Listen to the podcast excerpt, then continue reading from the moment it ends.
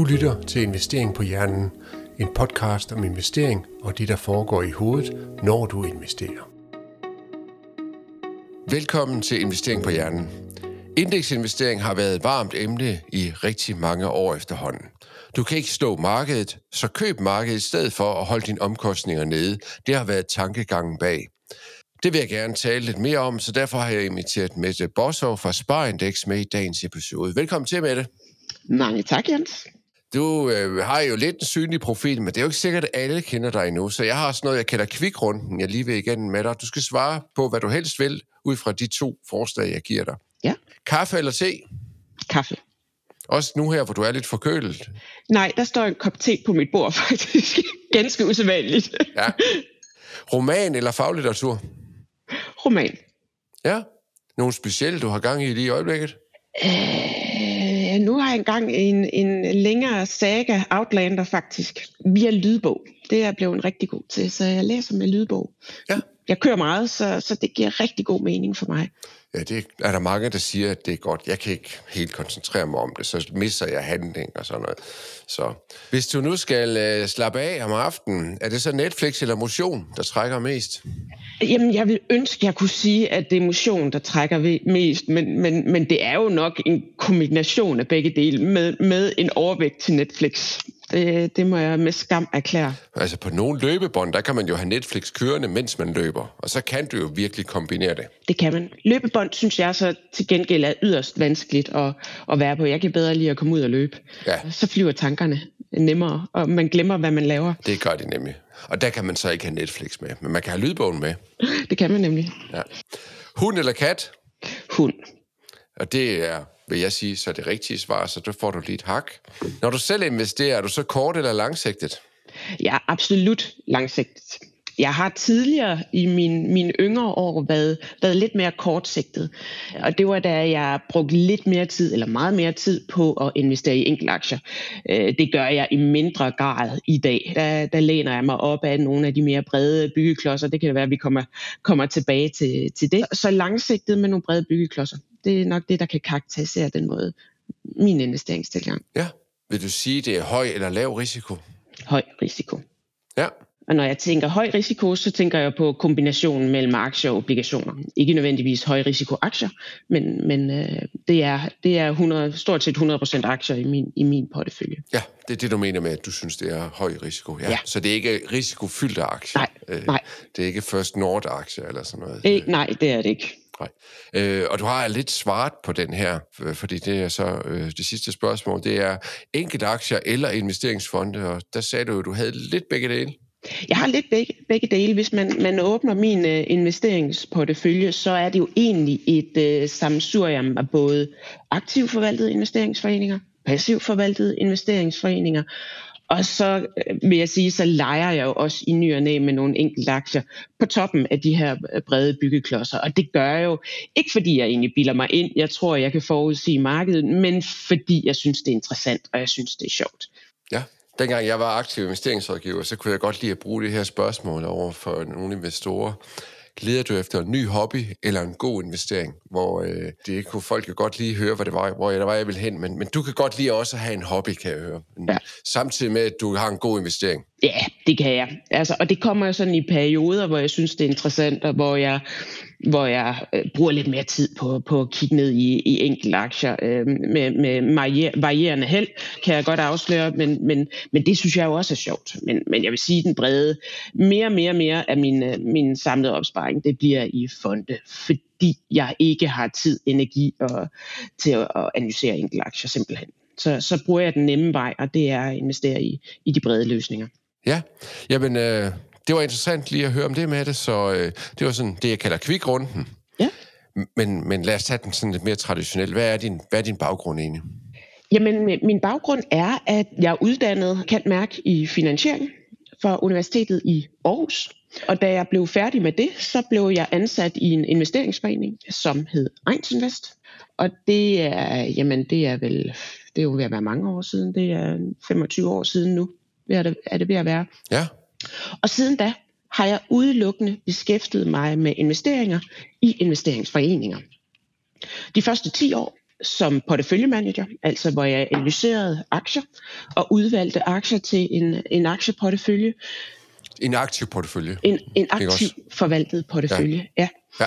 ja. Øh, og da jeg har så gjort det i 10 år, analyseret aktier, læst regnskaber. Så tænkte jeg, øh, nu er det på tide at prøve noget andet. Og så kom jeg over på, kan man sige, rådgivningsbenet og brugte lidt mere tid på at fortælle om, hvordan er det, vi arbejder med, med investeringer i investeringsforeninger. Og det har jeg jo så gjort i 10-15 år nu. Ja. Så kom du med Ejns Invest ind i Spar Invest, eller det gjorde jeg nemlig, fordi som du siger, Ejens Invest, investeringsforeningen Ejens Invest blev opkøbt af investeringsforeningen Sparinvest. Og i den forbindelse, der, der rykkede jeg med over. Ja, så du har været rigtig mange år i den samme virksomhed principielt jo. Ja, det, det har jeg. Det, det er ikke ret mange jobs, jeg har søgt på den måde. Altså, jeg har ligesom fulgt med, men, men det fantastiske med den her branche, det er, at kravene til os, de ændrer sig hele tiden, og det betyder også, at de jobfunktioner, jeg har haft, og de har også varieret sig fantastisk meget igennem, igennem min periode. Så jeg, jeg har været så privilegeret at have haft fantastisk øh, spændende job gennem hele min karriere, og fået mange forskellige øh, udfordringer kastet ind på bordet. Ja, og nu er det så passive investeringer, der, der er din dagligdag på arbejdspladsen. Ja, det er jo egentlig begge dele, for man kan sige, at Spar Invest er jo en investeringsforening, som måske på nogle punkter adskiller sig fra mange andre investeringsforeninger i Danmark, fordi vi har både aktivt forvaltede investeringsforeninger, og det er det, vi egentlig brander under det, der hedder Sparinvest. Og så har vi jo en bred portefølje af passivt forvaltede investeringsforeninger, som vi brander under Sparindex. Så vi har begge de her ben, og det har vi jo, fordi vi tror egentlig, der er behov for begge dele. Der er efterspørgsel efter begge dele, og både aktivt forvaltet og passivt forvaltet øh, tilgange har hver deres styrker og hver deres øh, svagheder. Ja. Du lytter til Investering på Hjernen. Husk at abonnere, så du ikke går glip af et afsnit. Lad os gå ud i øh, emnet for i dag, det her med indeksfonde. Hvorfor, øh, hvorfor gik Spar Invest i gang med det? Fordi der er jo meget mere indtjening, både for Spar Invest og for de øh, banker, der var medejere af Spar Invest, i at lave aktive placeringer. Mm, det er rigtigt. Vi Spar Invest, øh, eller Spar Index, lancerede den første indeksforening for, for 22 år siden. Og det gjorde vi egentlig på baggrund af en efterspørgsel efter fra de institutionelle øh, kunder i Danmark, altså forsikringsselskaber. Det er pensionskasser og sådan noget, ja. Ja, der hvor vi alle sammen øh, har nogle penge liggende igennem vores, hvis vi tager nogle forsikringer, jamen så har forsikringsselskaberne også behov for at placere de her penge et sted. Så der var en øget efterspørgsel efter de her, øh, fra de institutionelle kunder, og det kom jo nok også fra en tendens fra, fra det øvrige Europa, hvor vi så mange institutionelle kunder i højere og højere grad brugt de her passivt forvaltede byggeklodser i deres samlede investeringer. Så vi startede de første øh, sparindeksfonde på baggrund af en øget efterspørgsel, primært fra de institutionelle kunder. Så hvis vi spoler tiden tilbage der for, for to år, 22 år siden, jamen hvis man kiggede på Spar portefølje, jamen så 90% af vores formue var institutionelle kunder, og måske kun 10% var også private investorer, som havde fundet vores vej ind til de passive forvaltede. Ja. Hvis vi så skruer tiden frem til i dag, så ser det billede helt anderledes ud. For der er der måske 90 procent af vores formue, som er private investorer, og 10 procent i institutionelle investorer. Så det er simpelthen vendt rundt, kan man sige? Ja, det er det. Ja. Er det fordi, de institutionelle de har ændret strategi og ikke længere investerer i øh, indeksfonde? Nej, slet ikke. På ingen måde. Det, det man kan sige, der karakteriserer den måde, de institutionelle kunder bruger indeksfonde, det er i dag, at de stiller de bruger det stadigvæk, men de stiller langt højere og større krav til bæredygtighedsprofilen på sparindeksfondene. Så mange af de øh, institutionelle kunder, de har deres egne eksempelvis eksklusionslister, og dem skal vi, for at vi kan gøre os interessante for dem, så skal vi leve op til dem. Altså det er en liste med, med aktier, de ikke vil investere i. Det kunne være nogle specifikke våbenaktier, eller ja. nogle aktier, der laver noget andet, men også har noget, de ikke vil have. Ja, Så, så de stiller kravene til, hvad der er go og hvad der er absolut no-go, og så skal vi i højere grad øh, leve op til, til det. Og nogle gange så laver vi det så i form af nogle, kan man sige, lukkede investeringsløsninger præcis til det, den institutionelle kunde, fordi det er nogle helt, helt unikke krav, som måske udelukkende matcher deres ønsker og behov. Så deres ønsker og behov, de kommer ikke til at smitte af direkte på de fonde, vi private vi investerer i. I, I laver simpelthen en ny byggeklods til dem. Ja, det gør vi nogle gange, men der er jo ingen tvivl om, at vi kan godt se den strukturelle tendens, der er, både i Europa og blandt de institutionelle, og måske så småt også blandt os private at der er mange af os, eller flere og flere af os, der begynder også at stille krav til bæredygtighedsprofilen. Så hvis man kigger på den, øh, de forskellige investeringsløsninger, vi stiller til rådighed i dag, og hvordan den har udviklet sig igennem de sidste, lad os bare sige tre år, jamen så er der jo en helt ny gruppe af spareindeksløsninger, som har en særlig høj grad af bæredygtighed de øh, seneste, kan man sige, næsten fire nye løsninger, det er bæredygtige, svanemærkede fonde. Og jeg tror egentlig, det er et meget godt billede af, at vi har som investorer meget forskellige ønsker og behov. Der er nogen, der ønsker en meget, meget høj grad af bæredygtighed, og der er nogen, der siger, ja, det er meget fint med bæredygtighed, men det er ikke et så stor præference for mig. Så, så vi ser det jo egentlig som en af vores fornemmeste opgaver, at stille nogle byggeklasser til rådighed, således at det kan matche øh, de meget differentierede ønsker og behov, der er, både for institutionelle, men også i stigende grad for, for os private, når, når vi vælger at investere vores penge. Ja, du siger jo, de efterspørger, det synes jeg altid er interessant, når vi snakker om investeringsforeninger, fordi i virkeligheden, så er investeringsforeninger jo i stor grad et pushprodukt, jo, hvor det er rådgiverne, der hjælper dem med at finde ud af, hvad de skal investere i.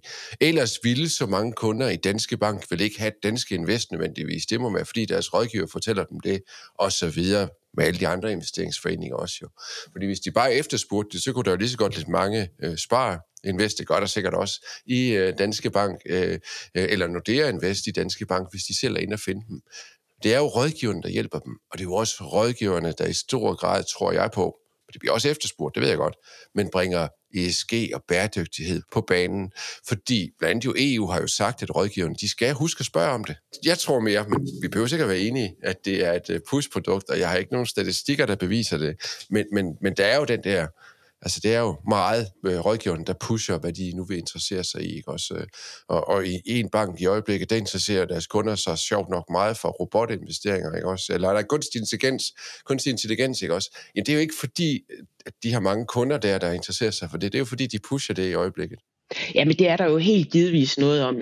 Den nye EU-lovgivning, som trådte i kraft i august sidste år, som foreslår hver gang du foretager investeringsrådgivning. Og det er uanset om det er en bank eller en uvildig rådgiver, så skal du spørge til kundens øh, investeringshorisont, altså hvor lang tid, og deres profil, altså hvor stor udsving. Og det nye er så, den tredje dimension, hvad er din bæredygtighedspræferencer? Og det er jo klart, når man begynder at forholde sig til det, jamen så kan det jo også godt være at sige, ja, du spørger, investere bæredygtigt? Ja, det vil jeg jo egentlig godt, men hvad betyder det egentlig? Så der ligger jo en meget, meget stor kommunikationsopgave øh, i at forklare, når vi taler om bæredygtig investering hvad snakker vi så egentlig om? Præcis. Er det så udelukkende at købe vindmølle, solcelle, producenter, eller Altså, og det er jo egentlig bund og grund dem, der producerer varer og tjenesteydelser, som er i mål, som er på den grønne gren. Men i, men i virkeligheden, eller det interessante er jo, hvis vi skal ændre verden, hvis vi skal reducere den CO2-udledning, så skal vi egentlig have fat i nogle af de selskaber, ja. som kan gøre en forskel, som ja. kan ændre deres forretningsmodeller for at reducere CO2. Og det tror jeg, uanset hvilke præferencer, så tror jeg, de fleste vil ikke godkende, øh, ikke OK til, jamen, vi bliver nødt til at, at reducere øh, den globale CO2-udledning. Og det kan vi gøre på mange forskellige måder. Ja, det tror jeg, du har fuldstændig ret i. Og jeg tror også, at kunderne gerne vil have det. Ingen tvivl om det, men, men, men jeg tror meget, at de bliver udsat for det ved hjælp af rådgivningerne. Du kan lære mere om investorpsykologi i bogen Når hulemænd investerer af Jens Balle. Find den på averagejoe.dk eller i din boghandel. Hvorfor skal jeg vælge en øh, dansk fond, der er en indeksinvestering i stedet for en øh, ETF. De fleste ETF'er, ikke de fleste, tror jeg ikke, man kan sige, men mange ETF'er er jo billigere end, en end Sparindex eller andre danske udbydere af øh, indeksfonde. Jamen, man kan sige, ETF'er og indeksfonde, de gør i princippet det samme. Altså, de investerer bredt i nogle udvalgte benchmarks eller indeks, og de gør det til lavest mulige omkostninger. Så man kan sige, at udgangspunktet med en ETF og en indeksfond er præcis det samme. Men der er noget med den måde, vi er, øh, kan man sige, øh, struktureret på, som gør, at der er nogle forskelle. Og den væsentligste forskel egentlig mellem en ETF og en dansk indeksfond, det er egentlig beskatning. Fordi alle ETF'er er lagerbeskattet. Og som udgangspunkt er alle ETF'er også kapitalindkomstbeskattet. Så er det jo således, at man kan i dag søge Skattestyrelsen om at få, und, øh, få sin skattestatus til at blive en aktieindkomstbeskattet fond. Du er stadigvæk lagerbeskattet, altså man bliver beskattet af sin gevinst hvert år, men det er med en aktieindkomst. Og det er det, man kalder positiv list, man så kan komme på, ikke også? Det er lige præcis det, der hedder positivlisten. Så beskatning er lidt forskellig. Og hvis man kigger på de, for eksempel vores sparindeksfonde, dem der er udbyttebetalende, og dem der er aktiebaserede, jamen de bliver beskattet på præcis samme måde, som er man beskattet i Novo eller Vestas eller så videre. Det vil sige, at du først bliver beskattet af din gevinst, den dag, du sælger den. Så beskatningsforskellen, det er jo, vil jeg sige, er en af de væsentligste forskelle mellem ETF'er og øh, eller indeksfonde. Og så tilbage til det, du reelt spørger mig om. Det er omkring omkostningen. For det er jo rigtigt, at mange eller nogle ETF'er ser som udgangspunkt billigere ud end øh, en sparindeksfond. Men her skal man også være opmærksom på, at ETF'erne, som de, som de er flest. Der findes nogle enkelte, en enkelt eller to på, på den danske fondsbørs, men ellers så skal man jo købe ETF'erne i udlandet.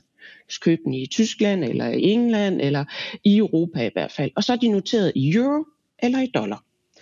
Så når, når man så som investor skal købe de her ETF'er, så skal du først købe euro eller dollar. Og det er klart, det ligger der jo nogle omkostninger i at gøre. Der kan være noget kutage til det pengeinstitut, og der kan også være noget kursskæring. Så der er lige en ekstra omkostning forbundet med at handle valutaen. Men det er jo kun ved indgangen og eventuelt ved udgangen, og hvis der er 30 år imellem det, så betyder det jo ikke ret meget på omkostningen. Nej, det kan man sige, det er jo sådan en, en, en engangsomkostning. Og, og der er også det, når man så handler, når du handler udenlandske aktier, så er det typisk sådan, at der er øget handelsomkostninger forbundet med udenlandske aktier, end der er med danske aktier. Det kan der i hvert fald være. Så det skal man lige være opmærksom på, inden man handler i ETF'erne. Hvad betaler jeg rent for det, både valutamæssigt og hans øh, handelskotagemæssigt?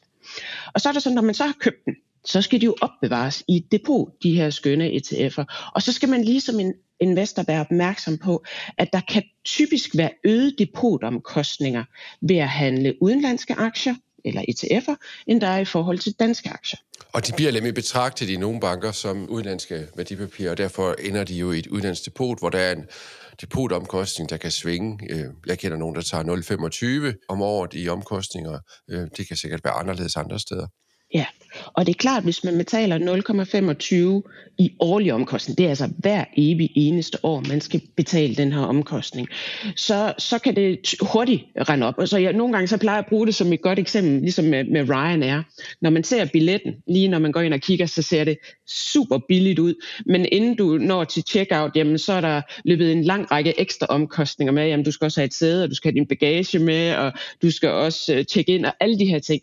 Så det der umiddelbart til rigtig, rigtig billigt ud. Det er det ikke altid når man når til checkout. Og nogle gange, der er ved nogle steder, der er det gratis at have det depot, og det er billigere at handle osv. Så det kan godt være, at nogle ETF'er rent faktisk er billigere. Det, min pointe er egentlig bare det, at man skal lige gøre sit forarbejde, inden man kaster sig ud af det. Husk alle omkostningerne. Ja, ja. og det skønne ved ETF'erne, det er jo, at der findes så mange af dem. Altså der findes jo flere ETF'er, end der egentlig findes aktier på verdensplan. Og det betyder jo, at vi som investorer, vi kan vælge jamen stort set altså købe, blive eksponeret mod jeg plejer at sige guld og grønne skove. Du kan finde en ETF, som er eksponeret imod næsten hvad som helst. Og det giver jo også øh, nogle, nogle skønne muligheder, når vi skal sammensætte vores, vores porteføljer. Og der kan vi sige, også i, i Spar, Spar Index i hvert fald, der kan vi jo slet ikke være med. Altså vi har 22 øh, forskellige investeringsløsninger, som, som i vores optik er brede og meget langsigtede løsninger. Så hvis man leder efter nogle tematiserede eller små branchespecifikke øh, investeringsløsninger, løsninger, jamen så kan man få det igennem uh, ETF'erne. Og de 22, I har, det er jo både med obligationer og aktier, ikke også? Altså, det er begge kategorier, I har? Ja, vi har øh, rigtig mange aktiefonde, fordi det er der efterspørgselen reelt er, er, er størst. Og så har vi øh, nogle enkelte rene obligationsfonde, og lige nu er der, og har folk jo lidt mere øjne op for de her obligationsfonde, fordi lige pludselig er der jo afkastpotentiale i obligationsfonde, hvilket vi jo har let efter øh, de sidste mange år faktisk. Men lige pludselig nu, så bliver obligationsfondene faktisk mere og mere attraktive, fordi der er et afkastpotentiale i den nu. Ja, fordi det har jo været øh, nul eller negativ rente på obligationer i en lang, lang, lang periode. Så man har siddet der og kunne vente, øh, så, mens det kostede penge at vente. Øh, og så kunne man, som jeg hele tiden har sagt det i hvert fald, og det er så også det, der kommer til at ske, vente på at få en kæmpe stor losing, som man jo så fik i 22, fordi at øh, kurserne de faldt. Men, men det er jo blevet mere interessant i øjeblikket. Ingen tvivl om det. Men hvad er det, det giver mig ud over det med skatten. Altså, hvorfor skulle jeg vælge Sparindex frem for en eller anden fra, nu nævner jeg bare i flæng, uh, iShares eller noget af den stil. Altså, er der, er der, det er jo det med omkostningerne. Jeg skal være opmærksom på, at det bliver måske dyrere, end det de skriver, men, men det er jo væsentligt billigere, det de skriver i hvert fald. Ja, og det, altså, og man skal jo... Der er stadigvæk et stykke op til 0,50. Ja, ja, øh, eller det tør jeg ikke, ikke i alle, og det er det, man skal gøre sit eget lille regnestykke. Øh, kan det betale sig for mig? Er det billigere for mig at, at købe en, en ETF end en, en spareindexfond? Og så er der også lige den lille teknikalitet, at når vi investerer i en, for eksempel en global investeringsforening, så er der jo også det, at vi investerer for eksempel i amerikanske aktier, svenske aktier, tyske aktier. Og når de her aktier, lad os sige tyske aktier, Adidas, hvis man investerer i det, når Adidas udbetaler et udbytte, så gør tyskerne jo typisk det, at så tilbageholder de jo en del udbytteskat af det her udbytte. Og så er det jo sådan, at Danmark har lavet en dobbeltbeskatningsoverenskomst med rigtig mange lande. Og den her dobbeltbeskatningsoverenskomst betyder, at vi for mange lande kan hjemsøge dele eller hele af den her udbytteskat, som er efterladt i de i pågældende lande. Og det gør vi jo i, i Svejen Vest helt automatisk på alle værdipapirer. Og når vi gør det, det er der jo typisk også en lille omkostning ved, men det ligger jo i den pris, de betaler. Hvis man køber en udbyttebetalende ETF, så skal man som investor selv sørge for at hjemmesøge de her eventuelle muligheder for dobbeltbeskatning. Og så skal man række henvendelse til der, hvor de ligger i depot og sige, kære pengeinstitut, vil I hjælpe mig med at hjemmesøge det udbytteskat, jeg er berettiget til at, at hjemmesøge? Og så vil langt de fleste pengeinstitutter, de vil sige, ja, det skal vi nok hjælpe dig med, det vil vi meget gerne. Det koster et eller andet. Et eller andet. Ja. ja, og det er jo det, men, og, og min erfaring er, at der er rigtig mange, der ikke er klar over, at man kan øh, hjemsøge den her udbytteskat, og der er rigtig mange, der ikke får det gjort. Og det er jo klart, hvis man ikke får det her hjemsøgt, jamen så er det jo en øget beskatning, det betyder lavere afkast. Så, så der er jo, det er jo sådan en lille, kan man sige, en teknikalitet måske, men alligevel over længere horisont, så kan det faktisk være ikke helt ubetydelige midler, vi kan reducere beskatningen med. Der er jo selvfølgelig mange ETF'er, der ikke er udbyttebetalende, fordi øh, ja. det der med udbyttebetaling, det er jo sådan, cirka, det, det er jo dansk særkende, men, men, men vi har jo bare de skatteregler, der gør, at vi som investeringsforeninger, så skal man jo udbetale visse gevinster, for at fonden ikke bliver beskattet. Og det problem har man jo ikke i udlandet, og i virkeligheden, øh, så vil øh, alle investeringsudbydere jo gerne holde lidt på pengene, sådan at man har asset under management, som det hedder, øh, og vil gerne begrænse udbyttedelen jo, i hvert fald i mange situationer. Øh, og det i udlandet, der gør det jo bare det, der er ikke udbytte på, for de har ikke den der skatteteknikalitet. Øh, så man kan sagtens finde nogen, hvor den ikke er relevant i hvert fald.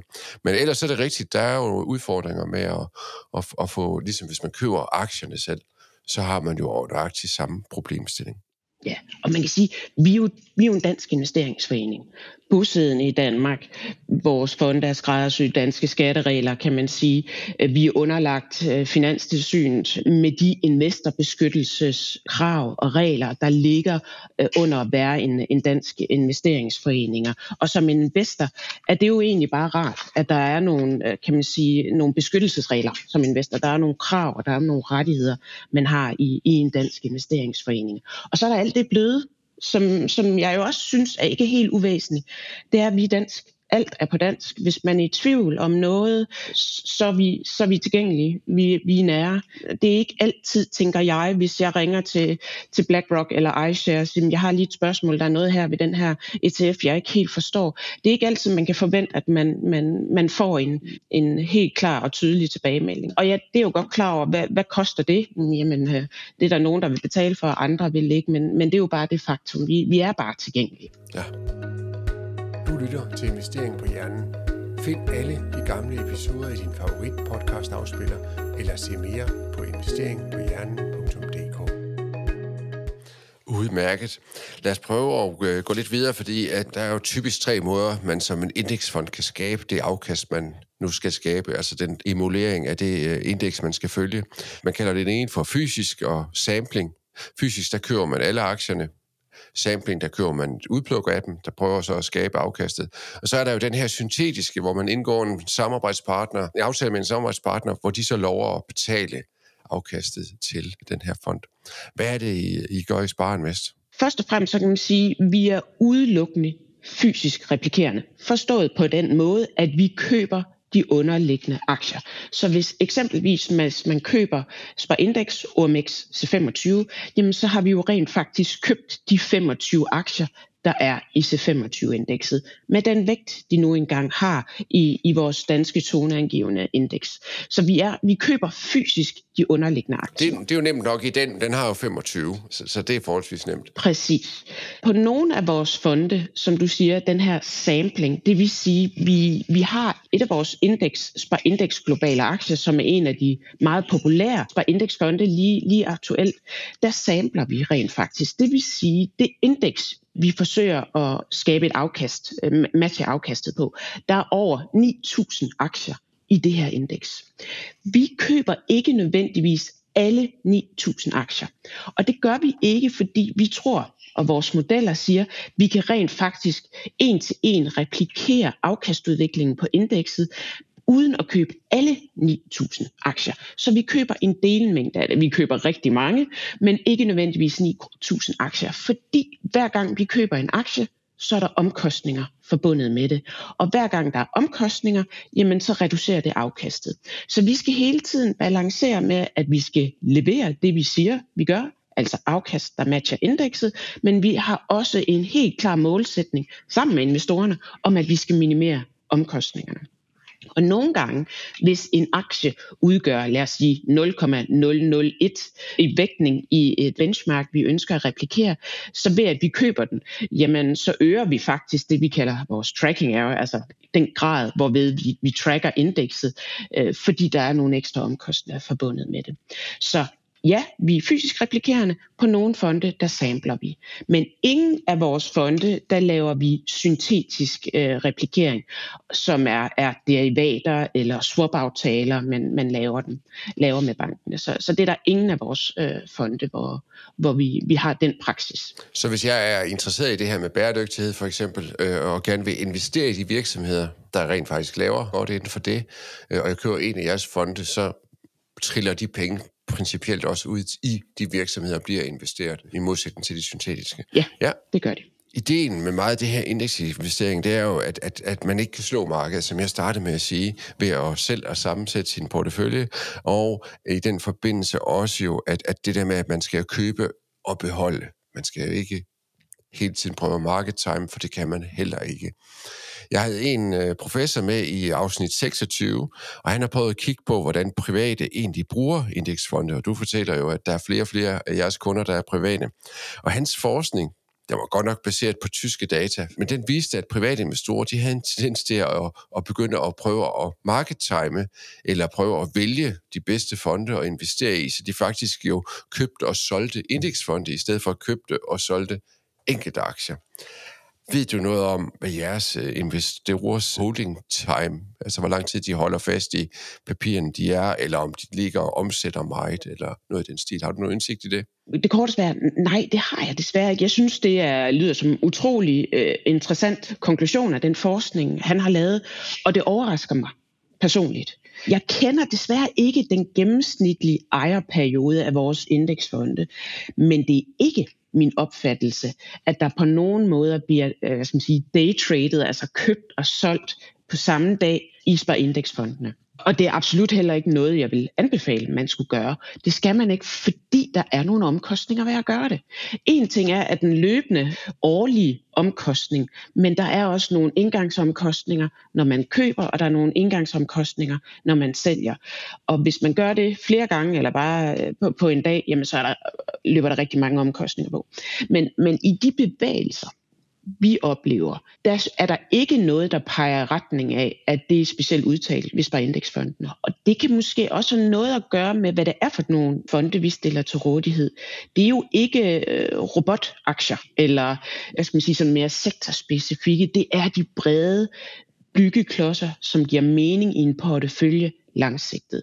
Så det kan jo godt, måske uden at jeg har noget forskning, der, der understøtter min, min personlige holdning, jeg tror, at de øh, byggeklodser, vi stiller til rådighed, måske i mindre grad appellerer til, at man sidder daytrader, men bare at det i højere grad er, er køber og behold. Ja. Men du har ikke data på det. Det er fordi, det, dem har I jo simpelthen ikke adgang til. Nej, desværre ikke. Det, nej, det er lidt mere vanskeligt for, for os at, at kigge ned i, i kundernes øh, depoter, men, men det, er, det kunne være en interessant analyse at se, om, om den tendens også er gældende i Danmark. Men, men det vil ikke være min hypotese, at det er. Det tror jeg faktisk ikke, vi gør. Vi er klogere end som så. Har du idéer til emner eller gæster, du gerne vil høre mere om, kan du sende en besked fra hjemmesiden investeringpohjernen.dk. Lad os prøve at snakke lidt om omkostninger, for det er jo vigtigt i den her sammenhæng også jo, fordi den, er jo, den anden ting, det er jo køb og behold, men den anden ting er jo så at investere i noget, der ikke har store omkostninger, fordi det, man betaler til aktive investeringer, i mange situationer viser sig ikke at have nogen værdi. Det har vi jo allerede været omkring, at de er lidt højere på, på danske indeksfonde. Er det jer, der bare holder prisen op for at glæde jeres øh, ejere? Nej, det, det er det ikke. Øh, men det er rigtigt. Det at investere både i aktiv og passiv forvaltede fonde, der kommer en omkostning med. Og det kan man sige, der er mange fordele ved, ved investeringsforeninger. Et værdipapir får en kæmpe spredning, og du skal ikke bruge tid og energi og, og finde ud af, om det er Novo, Vestas eller Carlsberg, hvornår skal jeg købe, hvornår skal jeg skælde. Selv det hele er i én pakke. Det er nemt. Og det kommer med en pris. Og vores målsætning, det er at være konkurrencedygtig. Vi har ikke nogen interesse i at være, være dyre eller være billigere for, for den sags skyld, men og, og det er jo heller ikke mere end et par år siden, altså i 2020, der sænkede vi prisen på en lang række af, af vores øh, sparindeksfonde. Eksempelvis øh, OMX 25, den koster 0,3 procent om året, forstået på den måde, hvis OMX 25 på et år stiger med 10 procent. Så det, man som investor kan forvente at få, det er 9,7 procent. Så de her 0,3 procent, de fragår i, i omkostning. Så, så, og det er jo sådan for os, vi har jo nogle omkostninger ved at forvalte de her. Det er både til advokater, revisorer, det er til den danske værdipapircentral, det er til Københavns Fondsbørs, for at have en, en fond noteret på Københavns Fondsbørs. Det er ikke gratis, kan jeg godt øh, afsløre. Så, så der er nogle omkostninger ved det, det og det er vores største udfordring, kan man sige.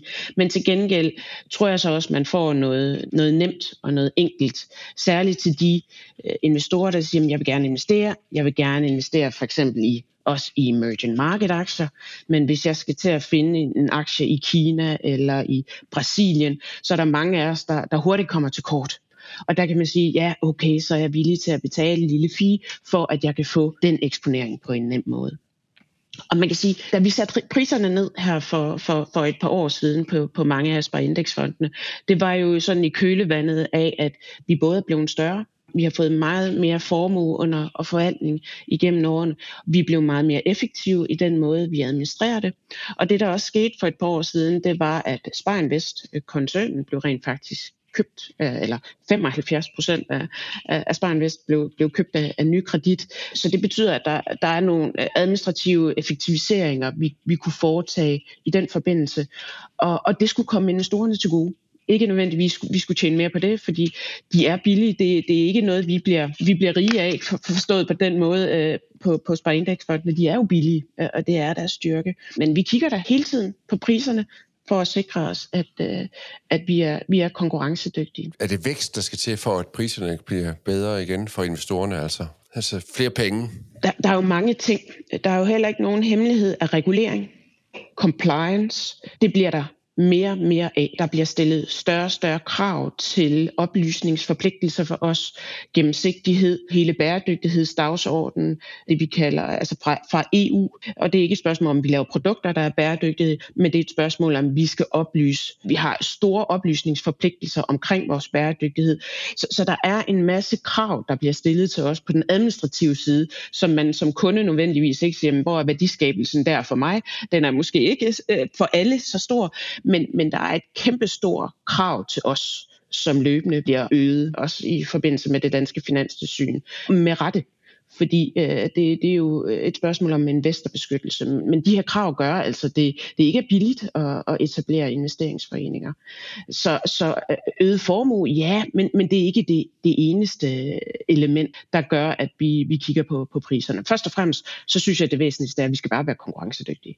Så har vi ikke noget, kan man sige, øh, ellers så, så vælger kunderne andre løsninger naturligvis. Jamen, øh, så fik vi da lidt svar på det.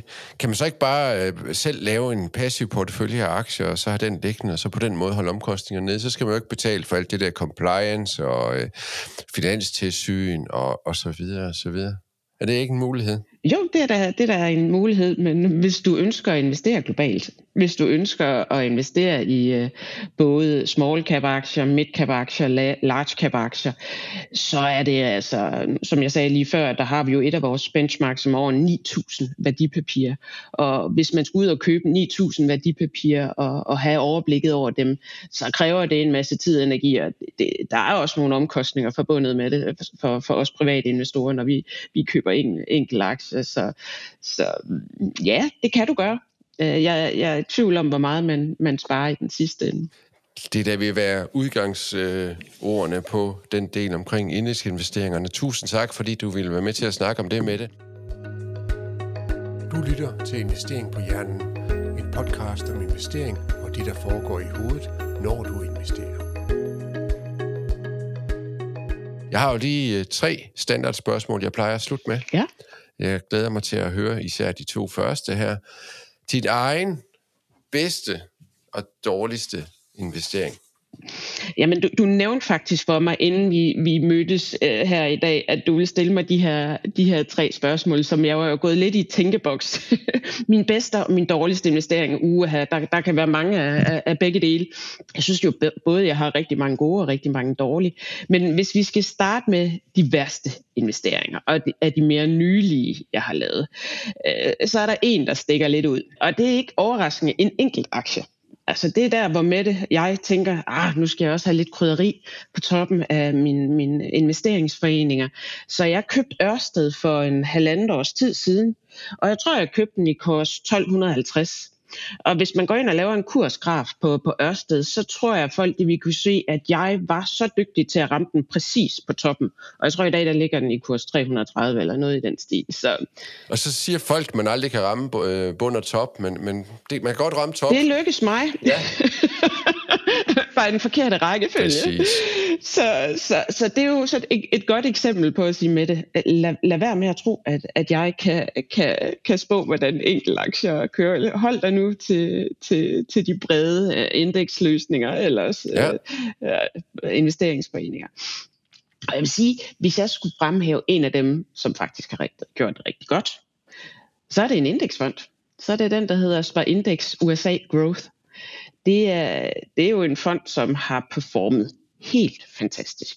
Altså de sidste, år, de sidste 10 år, der har den givet øh, 16% i afkast om året i gennemsnit. Øh, og det er jo fordi, at den her USA Growth, det er jo en fond, hvor der ligger rigtig mange tech-aktier.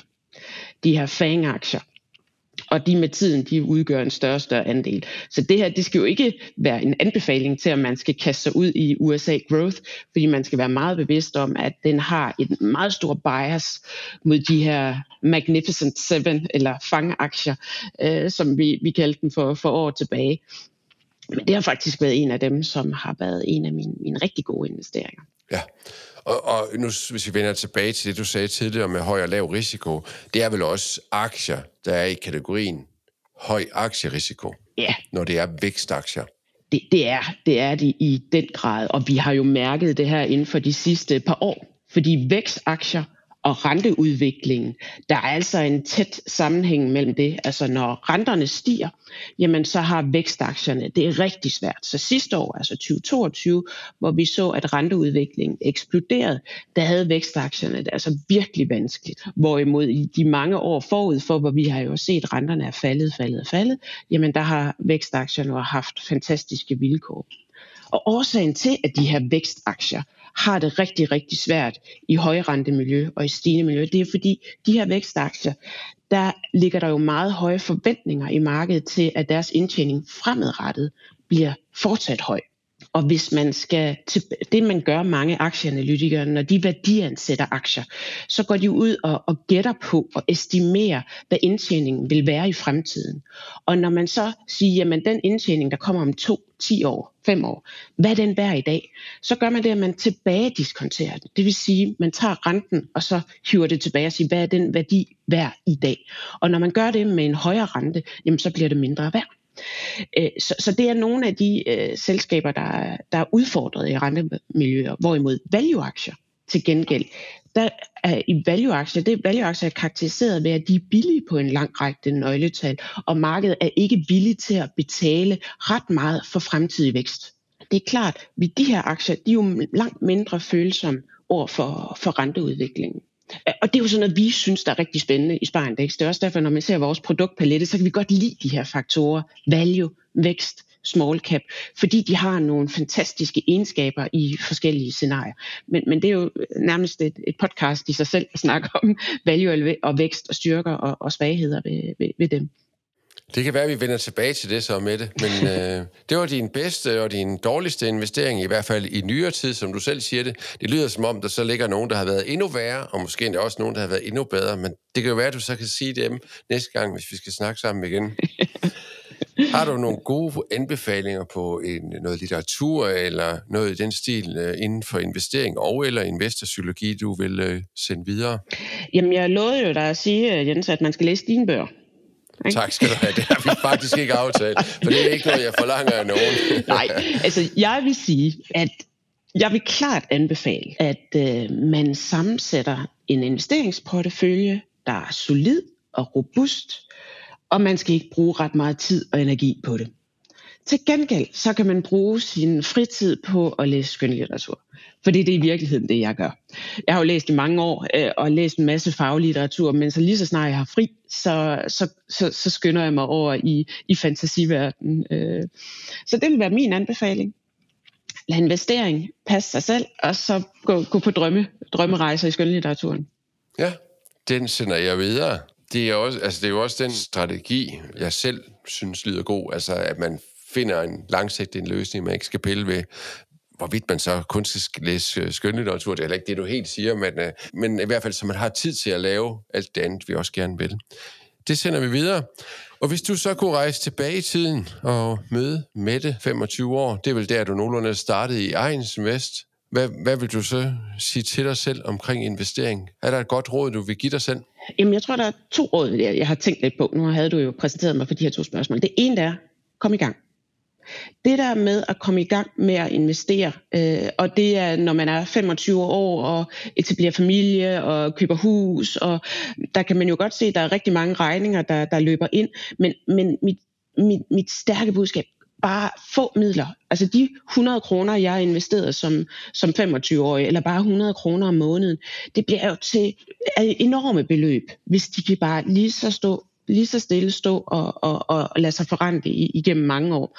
Og det er også de råd, jeg giver til mine børn i dag. Og, og også børneopsparing. Hvis man har fået børn, skynd jer. Opret den her børneopsparing og sæt, øh, sæt nogle få midler ind på den, eller, eller det økonomien nu kan række til, fordi det kan give en enorm effekt, hvis de skal stå der i 20 eller i, i 30 år. Som, Det kommer jo også an på, hvad man gør ved dem, fordi hvis de bare står på kontoen, så har det i hvert fald været surt i en lang periode. De skal ud og investeres. Er vi ikke enige om det? Det er jo det. Ja. De, de skal ud og arbejde. Godt. Ja, de skal ud og arbejde. Så kom i gang, og den, det, det var så der, kom i gang øh, selv med, med små midler. Og så den anden ting, som jeg også har tænkt lidt over, det er, lad nu være med at bekymre dig om, om ting, du ikke har indflydelse på. Og det, det er et råd, jeg også vil give til, til Mette, 49 øh, år. Øh, det skal nok gå. Lad nu være med at bekymre dig alt for meget. Og det gælder både investering og, og livet i, i, i som helhed. Det er jo gode råd svært at efterleve det her med at lade være bekymret dig, fordi det er en helt naturlig del af, hvordan vi er som mennesker og individer. Tusind tak, fordi du ville være med i dag, Mette. Øhm, jeg sender dig jo sådan en investering på hjernen Nej, hvor så kan dejligt. blive mindet om det her med at øh, køb, slap af og blive rig. Øh, næste gang du ser en aktie, der er på toppen og får lyst til at købe den, så kan det være, at det krus skal redde din økonomi. Tusind tak, fordi du var med. Vi tales ved. Tak fordi du inviterede mig. Ja, det gør vi. God dag. I lige måde. Du har lyttet til Investering på Hjernen med Jens Balle. Har du idéer til emner eller gæster, du gerne vil høre mere om, kan du sende en mail til info eller sende en besked fra hjemmesiden investeringpohjernen.dk.